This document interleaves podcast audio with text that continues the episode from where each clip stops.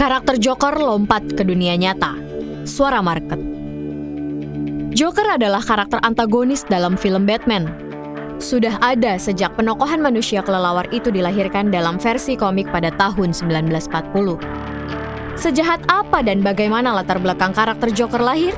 Dari rangkuman yang dikutip tirto.id, sejumlah karakter dan fakta menariknya begini. Pertama, psikopat keras kepala, punya selera humor yang tinggi namun ekstrim dan sadis. Kedua, tidak punya kekuatan super, namun punya keahlian mematikan. Salah satunya meracik ramuan beracun dan menciptakan ledakan dahsyat. Ketiga, kreatif dalam menciptakan alat berbahaya. Salah satunya ujung kartu yang ternyata merupakan silet tajam. Bill Finger, salah seorang yang dikreditkan sebagai pencetus karakter Joker, menyebutkan karakter Gwynplaine yang digambarkan Conrad Veidt dalam novel The Man Who Loves tahun 1869 adalah inspirasi karakter Joker. Buku itu karya Victor Hugo. Sosok Gwynplaine digambarkan pria berwajah rusak yang menakutkan.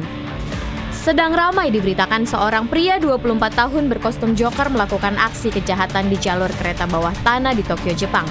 Terjadi pada 31 Oktober 2021, mengincar korban para peserta pesta Halloween. Dia menusuk para korban dan membakar kabin kereta. Apakah dia terinspirasi untuk menjadi Joker di dunia nyata? Sungguh mengerikan.